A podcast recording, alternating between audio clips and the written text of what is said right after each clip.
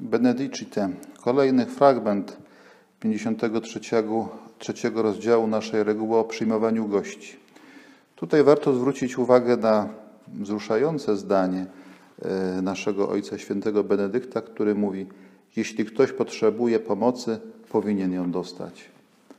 Jakiej empatii, jakiej wrażliwości to wymaga od nas wszystkich, nie tylko od przełożonych klasztoru, którzy powinni baczeć i mądrze rozstrzygać, kto pomocy potrzebuje i kogo o pomoc można poprosić, ale również od braci, którzy winni wykazywać się taką wrażliwością, empatią, ażeby nie patrzeć tylko na swoje sprawy, ale też na sprawy innych braci. Kierując się tym właśnie zdaniem, coraz bardziej wspólnota staje się jednością, staje się coraz bardziej harmonijna i dzięki temu może służyć Bogu, który jest miłością.